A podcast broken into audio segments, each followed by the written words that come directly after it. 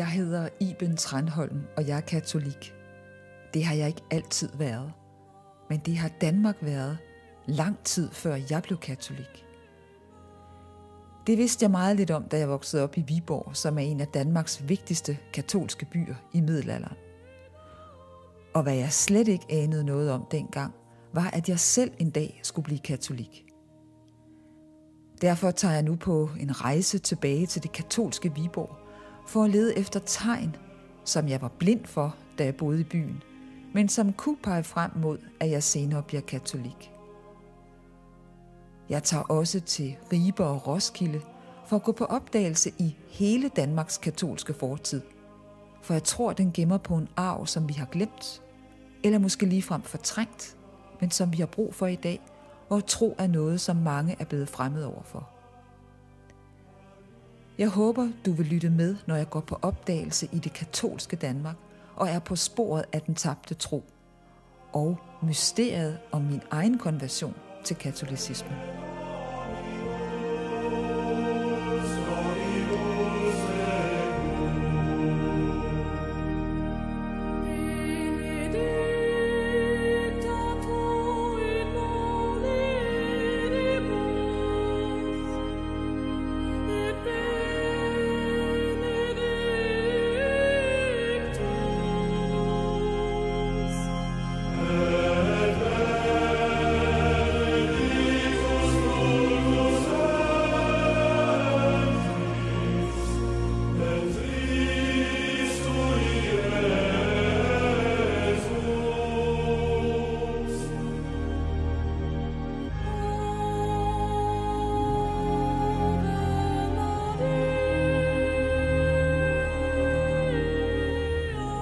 Hvor godt kender du den by, du bor i eller er født i?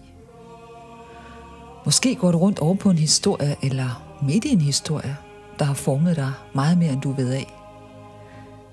Da jeg voksede op i Viborg, så tænkte jeg ikke over, hvorfor mange gadenavne i byen er opkaldt efter en helgen. Men nu er jeg blevet nysgerrig efter at finde ud af det, for at komme i kontakt med mine rødder, især mine åndelige rødder. Og derfor har jeg aftalt at mødes med museumsinspektør Lars Aersnap fra Viborg Museum.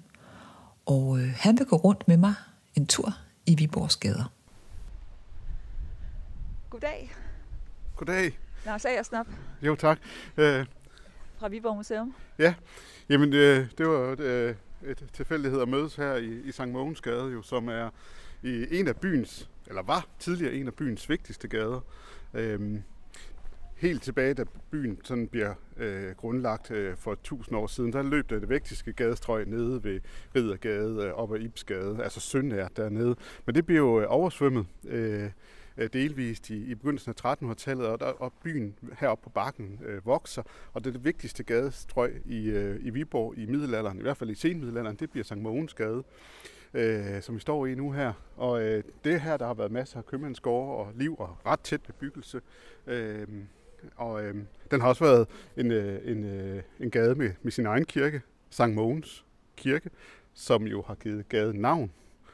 Øh, det var jo sådan, at i, i helt i starten af middelalderen, der havde man jo ikke øh, deciderede officielle gadenavne. Der, der kan man se i, øh, i middelalderlige dokumenter, at jeg sælger mit hus, der ligger øst for min grund. Og det kræver jo så et lokalkendskab, at man ved lokalt, hvad mener vedkommende med den formulering. Men i løbet af middelalderen, der bliver det mere og mere almindeligt at, øh, at navngive øh, gaderne som værende noget, der leder hen til en bestemt ting. Øh, et sted, hvor der er mange smede, så kan det være, at den gade hedder Smedegade, eller det kan være, at den leder nord ud af byen, så kommer den til at Nørregade, eller det kan være, at gaden går forbi en kirke, i det her tilfælde Sankt øh, Mogens øh, Kirke, og så kommer gaden til at hedde Sankt Mogens Gade. Og vi ved faktisk fra slutningen af 1400-tallet, at den her gade bliver omtalt som Sankt Mogens Gade. Og det gælder en hel masse af vores andre øh, navne her i byen. Øh, Sankt Mikkelsgade, ja, undskyld, Sankt Mathiasgade går tilbage i hvert fald dertil. Det gør Sankt Mikkelsgade nok også i en eller anden udstrækning osv. Men, men, men det er ikke alle sammen, der går helt tilbage dertil. Altså, jeg er jo rigtig interesseret i at få at vide, hvorfor de her gader har et helgennavn. Fordi øh, da jeg voksede op her, der tænkte jeg ikke andet tænkte jeg ikke på det på andre måder, end det var bare det, gaden hed. Mm. Og nu har jeg jo selvfølgelig fået et andet forhold til det, så, så det du siger, det er egentlig, at det peger på, når alle gadenavne, eller mange gadenavne her i Inderby i Viborg har et helgennavn, så er det fordi, der har ligget en kirke, måske, i, de gader? Ja, vi har haft utrolig mange kirker i Viborg. Vi er øh, en af de mest, øh, i hvert fald i middelalderen, en af de mest kirkerige byer i øh, kongeriget Danmark. Øh, vi har i hvert fald haft 12 sovnekirker i øh, løbet af, af middelalderen, foruden øh, fem kloster og øh, nogle, øh, et helligåndshus og nogle milde stiftelser, som vi kalder det. Og øh, de har ligget spredt herop i, i, inde i den historiske bykerne, og de har jo været pejlemærker, når man skulle vise folk rundt i byen. Øh, du skal gå i retning af St. Villas kirke, og så har den gade over ved St. Villas øh, sikkert haft øh, noget med sit kirkenavn i sig, sit helgenavn, øh, og ligesom øh, øh, øh, Sankt Hans Kirke, der, der også, den ligger jo ikke ret langt fra, hvor Sankt Hans Gade ligger, og så videre, så videre. Så, så, så mange navne må gå tilbage dertil, fordi det er jo gode pejlemærker, når man skal sige til en fremmed i byen, du skal gå i retning af Sankt Hans Kirke, der ligger derovre af. Og så, så kan man hele tiden spørge og finde vej. Det er sådan, at, øh, at navnestoffet introduceres, men der er jo ikke officielle gadenavne på det tidspunkt. Men, men, øh, men det er et vidnesbyrd om, at vi har haft utrolig mange kirker i byen. Kan du give kan du give nogen forklaring på, hvorfor man bevarede gadenavnene, efter at mange af kirkerne jo blev revet ned øh, i forbindelse med reformationen? Jamen, det har jo været, det har jo været åbne øh, øh, sår i byen, kan man sige, fordi det bliver jo øh, i 1529, der giver kongen øh, Frederik den første øh, lov til, at øh, Viborgenserne kan rive de 12 kirker ned øh, i byen, og så indrette øh, byens øh, gråbrødre og sortebrødre til de nye sovnekirker. Øhm, og nogle af kirkerne, de bliver ret hurtigt revet ned, hurtigt, der mener vi nogle år måske, øh, og øh, andre har stået øh, som stenbrud i flere hundrede år, altså hvor man simpelthen kunne indbygge materialer, så det har været øh, øh, steder, man kunne, øh, kunne øh, referere til, og dermed har det jo sikkert været en del af byens øh, almindelige omtale, at øh, du skal gå i retning af den øh, kirke, tom, der ligger derovre. Og på den måde så er det arbejdet sig ind. Jamen altså i dag, så synes jeg jo selvfølgelig, at det er et savn, øh, at man ikke længere kan se de kirker, at de er væk. Så kan du sætte mig på sporet af, hvor de har ligget henne, og hvordan det, der har set ud her? Det kan jeg sagtens. Ikke alle sammen, men næsten alle sammen. Vi har efterhånden Øh, altså, det er en, en, en mere end 300 år gammel disciplin at, at finde ud af, hvilke kirker, øh, der har ligget hvorhenne. For vi har ikke en fuld færdig opskrift på præcis, hvor alle kirkerne har været. Øh, både af hensyn til deres fysiske placering, men også hvilke øh, helgenavn, der skal knyttes til hvilke kirketomter. Og, og der er vi kommet så langt, man kan med de kilder, vi har i dag. Men vi har et rigtig godt bud om, hvor vi har kirkeplaceringerne, og vi har også et rigtig godt bud om, hvilke kirker, der er øh, er, er, er, er tilknyttet til hvilken helgen. Og nogle af dem er vi helt sikre på, nogle af dem er vi er knap så sikre på. Men hvis vi fortsætter lidt, lidt op ad Sankt Mogensgade her, så kommer vi øh, op til en... Øh, til, til, til der, hvor øh, Sankt Mogens Kirke lå, og den, øh, det er op på hjørnet her ved øh, hjørne, af, af, af, af Sankt Mogensgade Rosensstræde. Der på det sydlige hjørne, derinde på den matrikel, der lå en kirke i middelalderen og en kirkegård. Og den har jo givet navn til, til, øh, til hele gaden her, som jo i dag, når man går her, så er der jo mange flotte gamle middelalderhuse øh, opad, også hvis man går ind i baggårdene, og der er også øh, øh, øh, det er hele taget meget øh, fint her. Men, men det er svært at forestille sig, at den her gade har været hovedgaden, øh, når man kommer her i dag, for det er jo bare en, en smal brolagt gade, øh, øh, som, som, som ikke helt øh, vidne om, hvor, hvor vigtig den var engang. Men nu kommer vi hen til hjørnet øh, ved Rosen øh, øh, stræde lige herhen.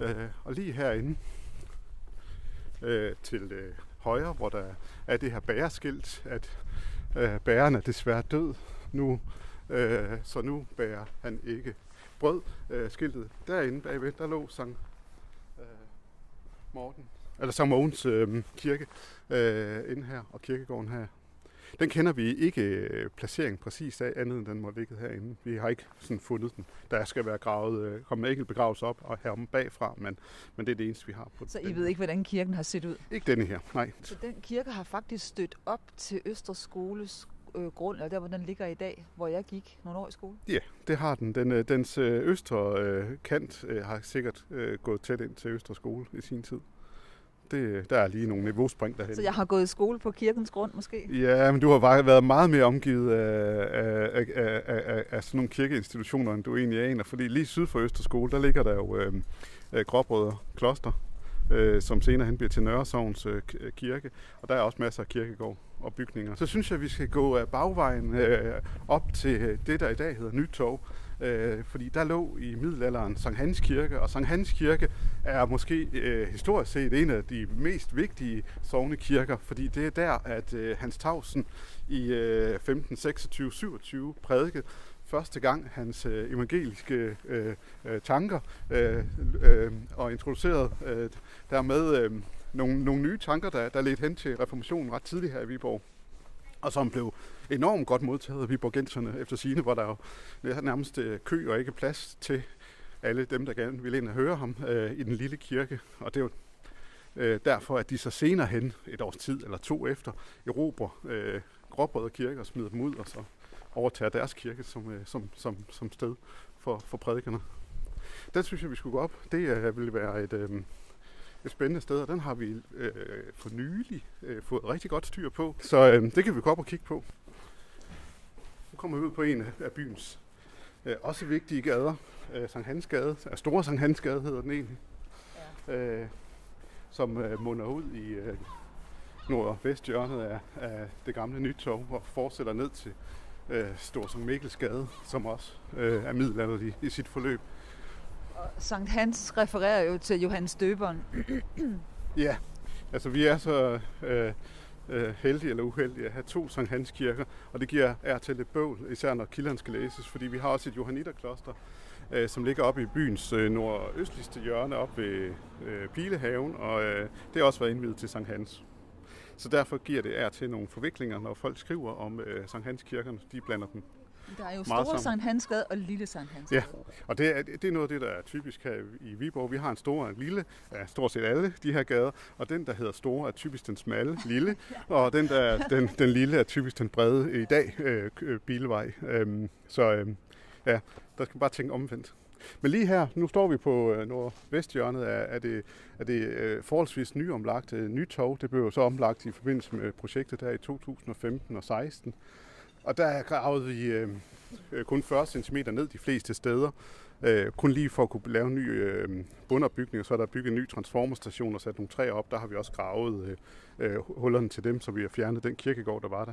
Men lige her, hvor, øh, hvor folk de sidder og nyder deres øh, frokost øh, og på nordsiden af torvet, der ligger rent faktisk øh, øh, ruinerne af Sankt Hans Kirke, lige nede under fortorvet, eller på lægningen her. Lige her, hvor øh, øh, handicapskiltet til, øh, er til, til parkeringsbåsen er. Det står faktisk en anelse skævt i øh, båsen, hvis du lægger mærke til det, så skulle den faktisk have stået lidt denne her vej her. Og det har sin øh, særlige grund, det er fordi lige nede under her, der ligger øh, fundamentet til øh, Vesttårnet, som bliver opført sikkert engang i senmiddelalderen i 1400-tallet til Sankt Hans Kirke. Alle ruinerne er fredet, de må ikke fjernes eller gennembrydes, så der kunne ikke sættes et skilt lige der midt for i båsen. Så det blev placeret en lille meter skråt ved siden af, øh, sådan at, øh, at vi kan overholde øh, den fredningsklausul, der er på, på ruinerne nedunder. Men ellers så er der et, et, et, et, et, et meget velbevaret tårn hernede med mange store fine sten i. Det er revet ned øh, lidt senere end kirken. Skibet og koret, som vi har så har fundet grundplanen af, bliver revet ned i, øh, i 1529 i forbindelse med, at Frederik første giver lov. Men tårnet blev stående helt frem til 1584, øh, hvor det først bliver revet ned. Og øh, det leder jo hen til, hvorfor vi overhovedet har et tog her. Fordi efter 1529, der lå den her kirkegård jo hen. Der var, den var jo ikke brug for den mere. Kirken var gud og drift. Øh, man brugte jo Nørresovn og, og eller, øh, øh Gråbrød Kirke og, og Stor, Sortebrød Kirke som sovnekirke. Øhm, kongen sælger øh, noget af arealet her, så der kan bygges byghuse her på pladsen, den tidligere kirkegård. Og det øh, begynder den lige så langsomt at blive bygget øh, der i 1500-tallet. Men øh, i starten af 1584, der kommer der et dekret ud fra København om, at den øh, lille prins Christian, der var syv år gammel, han skal hyldes. Han skal på den tur rundt, øh, rundt i landet, hvor man hylder den næste konge, den man nu vælger. Øh, øh, og øh, der er jo en lang øh, tradition for, at øh, Viborg er, altså landstinget i Viborg er det første sted, hvor man bliver øh, hyldet. Det er ikke det samme som at blive kronet. Det er bare, at man bliver valgt til øh, at skulle være konge. Kroningen foregår et andet sted og en anden øh, del af ceremonien. Men han sender et øh, dekret ud her til Viborg om, at øh, de her, den tidligere øh, øh, Sankt Hans Kirkegård, den skal ryddes for huse. Så man eksproprierer simpelthen husene her. Man vurderer dem og betaler folk, og så bliver de bare revet ned. Og så bliver der, øh, skal viborgenserne, de skal selv sørge for at få øh, jævnet den øh, overfladen og få lagt sten her. Og det bliver lagt ud som labyrint, så der har været sådan et tog med labyrint. Og kongen kommer også og besigtiger det to gange inden kroningen. Og så bliver der bygget et stort palads her af træ til kroningsceremonien, der er i juni måned, øh, plakat med rødt. Og, øh, og en del af ordningen, det er så, at denne her kroningsplads, den overgår til Viborgenserne som byens nye tog. Der har vi navnet Nytog. Og det er ikke noget problem, det ligger oven på en, en kirkegård? Nej, det, øh, der er jo folk, der bor og har deres haver oven på kirkegården rundt om øh, flere steder i byen. Øh, så hvis de graver lidt dybt, så vil de stå på både ruiner for kirken og, og skeletter. Jeg tænker på, altså der bliver jo ikke færre troende i Viborg, fordi reformationen kom. Hvorfor reducerede man så antallet af kirker så enormt? Jamen, de, du regner med, at denne her kirke er relativt lille, øh, mens, øh, og, og der har jo været mange af dem. Øh, og øh, de to øh, kirker, som de så indretter som sovnkirker, er betydeligt større. Så de har nok kunne klare det. Så det er sådan en form for e- effektivisering? Ja, det ligger i reformationstanken. Der er det jo, øh, ned i Tyskland kan vi også se, at, øh, at, at man skal væk med overflødige kirker. Så de skal bare rives ned. Så, så vi, vi følger bare trop. Det er da meget brutalt. Ja, men det har været, øh, Øh, det har været en, øh, en, en, en voldsom øh, tid. At, øh, den reformation, som er meget tidlig i Viborg, som starter i, i 1526, og som man ofte siger slutter i 1529, fordi der er ligesom om, at nu har man fået lov at rive kirker ned, og så er det, men egentlig så slutter den først i 1530, fordi der får man også erobret domkirken. Den stod tilbage som den sidste øh, katolske bastion helt til 1530. Så, så er det helt gennemført, men det, det foregår altså, det har været øh, en enormt turbulent øh, periode øh, selvom den har været, øh, Viborgenserne har støttet voldsomt op om det. Så det gaderne vidner om, det er egentlig, og gadenavnene i dag, det er, at der lå faktisk en kirke i næsten hver gade, fordi der var 12 kirker ja. i det her forholdsvis lille område. Og så lige pludselig, så bliver de jævnet med jorden, eller de bliver revet ned, og så er der kun gadenavnene tilbage, sådan ja. set. Ja, og, og, og, og nogle af gadenavnene er så ikke, at de, de er først kommet til i 1800-tallet, altså hvor man har besluttet, at nu er det for eksempel Villas øh, stræde, Sankt Villas stræde derom, den, det, det, det er et omdiskuteret et, om det er Villas kirke, der det ligger, ligger lige jo der. lidt længere, ja, lidt ude for bykernen. Ja, ja sådan, det ligger i udkanten, ja. ja. Altså, der er nogle af dem, der først kommer senere, fordi der, der er man først besluttet, at det, det er sådan, det hænger sammen. Men altså, men grundlæggende, ja, så er det sådan. Og det er lidt ligesom, når vi rejser sydpå, der er en kirke på hvert gadehjørne, når man render rundt i en italiensk by eller en spansk by. Det, det tænker man egentlig ikke så meget over. Sådan kunne vi gå rundt i, øh, i, i byen og pege på, på, på ting, hvor der ligger noget under. Øh, hvis vi gik ned på juletorvet, som også har næsten identisk historie som Nytorv, bortset fra, at det ikke har noget med kongehyldning at gøre, og, og prins øh, Christian osv., men, men der, der har jeg også ligget øh, Sankt Mathias Kirke, som jo har givet navn til Sankt Mathias Gade, øh, som så også øh, øh bliver øh, givet til nedrivning i 1529, og som ligger hen som ruin, og måske også bliver bebygget lidt, og så bliver den til tog en gang i slutningen af 1500-tallet og har været det lige siden. Så det er det samme. Så grunden til, at vi har de her relativt store torvepladser, ja. Det er simpelthen på grund af, at det er der havde man nogle steder, huller, hvor der lå kirker. Ja, simpelthen. Og der er jo andre steder, hvor de så er blevet bebygget. Øh, øh, det er resten stort set. Der, der er kommet hus på, og folk har øh, deres baggård, haver og så videre øh, i, i, øh, liggende oven på de tidligere kirkegårde. Så, øhm, ja. så når man går rundt i Viborg i dag, så går man simpelthen rundt på en hel masse gamle kirkebygninger. Ja, en masse skeletter. Masser. Altså her på Nytorv ligger der jo måske, det ved jeg ikke, det kan vi ikke præcis vide, men altså, øh, øh, øh, gravintensiteten er nogle steder enormt stor. Øh, når vi kommer lige op syd for kirken, så ligger de i 7-8 lag, og på 6 kvadratmeter ligger der 35 begravelser. Så der ligger, der ligger måske en 2-3.000 grave endnu, lige ned under øh, fliserne her. Men i forhold til andre danske øh, byer, havde Viborg så særlig mange kirker? Ja, altså det, det, det, det, det, det er, ja, altså den eneste nuværende danske by, som havde flere kirker end, øh, end os, øh, det, er, øh, det, det var øh, Roskilde, og så øh, Lund, som jo så også var dansk dengang, som også var ærkebiskop, så de havde endnu flere. Så, så der er vi nummer tre i den, den by med tredje flest øh, øh, kirker. Og det har noget med, at det, det er også alle sammen øh, byer, der er grundlagt lige i årtierne omkring øh, årtusind. Og der er et, et karakteristisk træk, nogle fælles træk omkring øh, kirkerne også, hvordan de måske er blevet til. Øh, vi er jo i en, en, en tidlig rigsdannelsesfase, og de to konger, der virkelig øh, øh, kan man sige, fylder meget her, det er Svend Tviskæg og Knud den Store, de er jo øh, godt skolet over det engelske og kan se øh, øh, byerne som et middel til at at, at, at skabe indtægter og kontrol og sådan noget. Så, så, så de har taget en, nogle, nogle idéer med sig givetvis, og, og der er noget, der er fuldt efter, som gør, at, at lige præcis de her byer, der er grundlagt i den her periode, de har nogle særlige træk, blandt andet at de har rigtig mange øh, kirker. Måske har der været endnu flere i den allertidligste tid, øh, men kun 12 af dem er så 12, måske 13, fordi vi har nogen, som vi, øh, vi, vi kender, men ikke øh, kender fra de skriftlige kilder, men vi ved, øh, vi kan se dem under, blandt andet under Gråbrød Kloster, at, at de måske i virkeligheden har overtaget en, øh, en øh, sovne, eller en kirke, en sovnekirke, som, øh, som vi ikke rigtig kender andet til, end at, at øh, vi kan se, at der ligger en kirkegård ned under klosteret, som ikke har noget med, med klosteret at gøre. Hvilke fordele så kongerne i at have mange øh, kirker øh, det, i byerne? Ja, det, det har de nok ikke haft så meget med at gøre, men, øh, men det er, skal man sige, en, øh, en, øh, en, en, en måde at indrette sig på, at man har haft, øh, haft en rimelig fri øh, mulighed for, og tror vi, altså at indrette en kirke, det, og det kan være meget, meget øh, simpelt, øh, altså en kirke, som du har på din, din gård inde i byen, øh, som, hvor nogle af dem så udvikler sig til at blive regulære sovnekirker, når vi så får den struktur. Øh, og det, det, det, det er noget, altså i, i, i, i Danelagen, den del af England, hvor vi især øh, øh, har gjort os øh, til bens dog, øh, der ser vi jo byer, hvor, der, hvor de har mange, mange, mange flere kirker øh, for samme tid.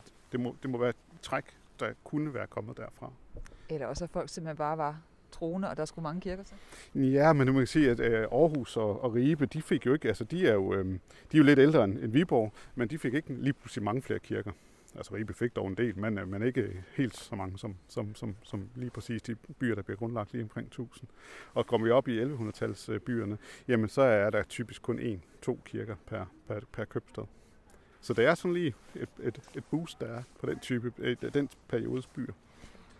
Det er en skam, de ikke ligger her mere. Jeg vil rigtig gerne have set, hvordan ja. de så ud. Og tænk, hvis de havde været bevaret helt fra ja, omkring 1100-tallet af de første bygge. Ja, og ja, øh, nogle af dem har jo helt klart forgængere, øh, for vi kan jo se, at øh, nogle steder, der ligger stenfundamentet på 1100-talskirken. Det ligger hen over grave, eller der er grave, der afviger og ligger ind under. Og nogle steder har vi også nogle enkelte ligner stolpehuller, der kunne være for en trækirke. Så vi har så også en fase, der sikkert rækker ned i 1000-tallet. Og rigtig mange af de her kirker er givetvis grundlagt i første halvdel af, af 1000-tallet det, det, det giver bedst mening, når man ser på, øh, hvor vi har indflydelsen fra til de mange kirker, og til, til de øh, udsagn, vi har for de arkeologiske udgravninger med, at, øh, at, at, at der er en forgænger. Men øh, vi er helt ude at gribe i, i halmstrået nu, for at kunne lave den fortælling, fordi at, øh, at, at så, god er, øh, så, så god er vores viden og vores grundlag ikke. Altså, det er altid et problem, når vi kommer langt tilbage, så, så bliver det sværere. Lars Aersnap, middelalderarkeolog og museumsinspektør på Viborg Museum. Tusind tak for din rundvisning her i det indre Viborg. Det har virkelig, virkelig øh, været spændende for mig, og at du har kunne fortælle mig, hvordan har, har set ud engang, og hvorfor gadenavnene hedder, som de hedder. Nu er jeg blevet meget klogere på, hvad det er for et sted, jeg er vokset op. Øh, tak skal du have. Det var så let da.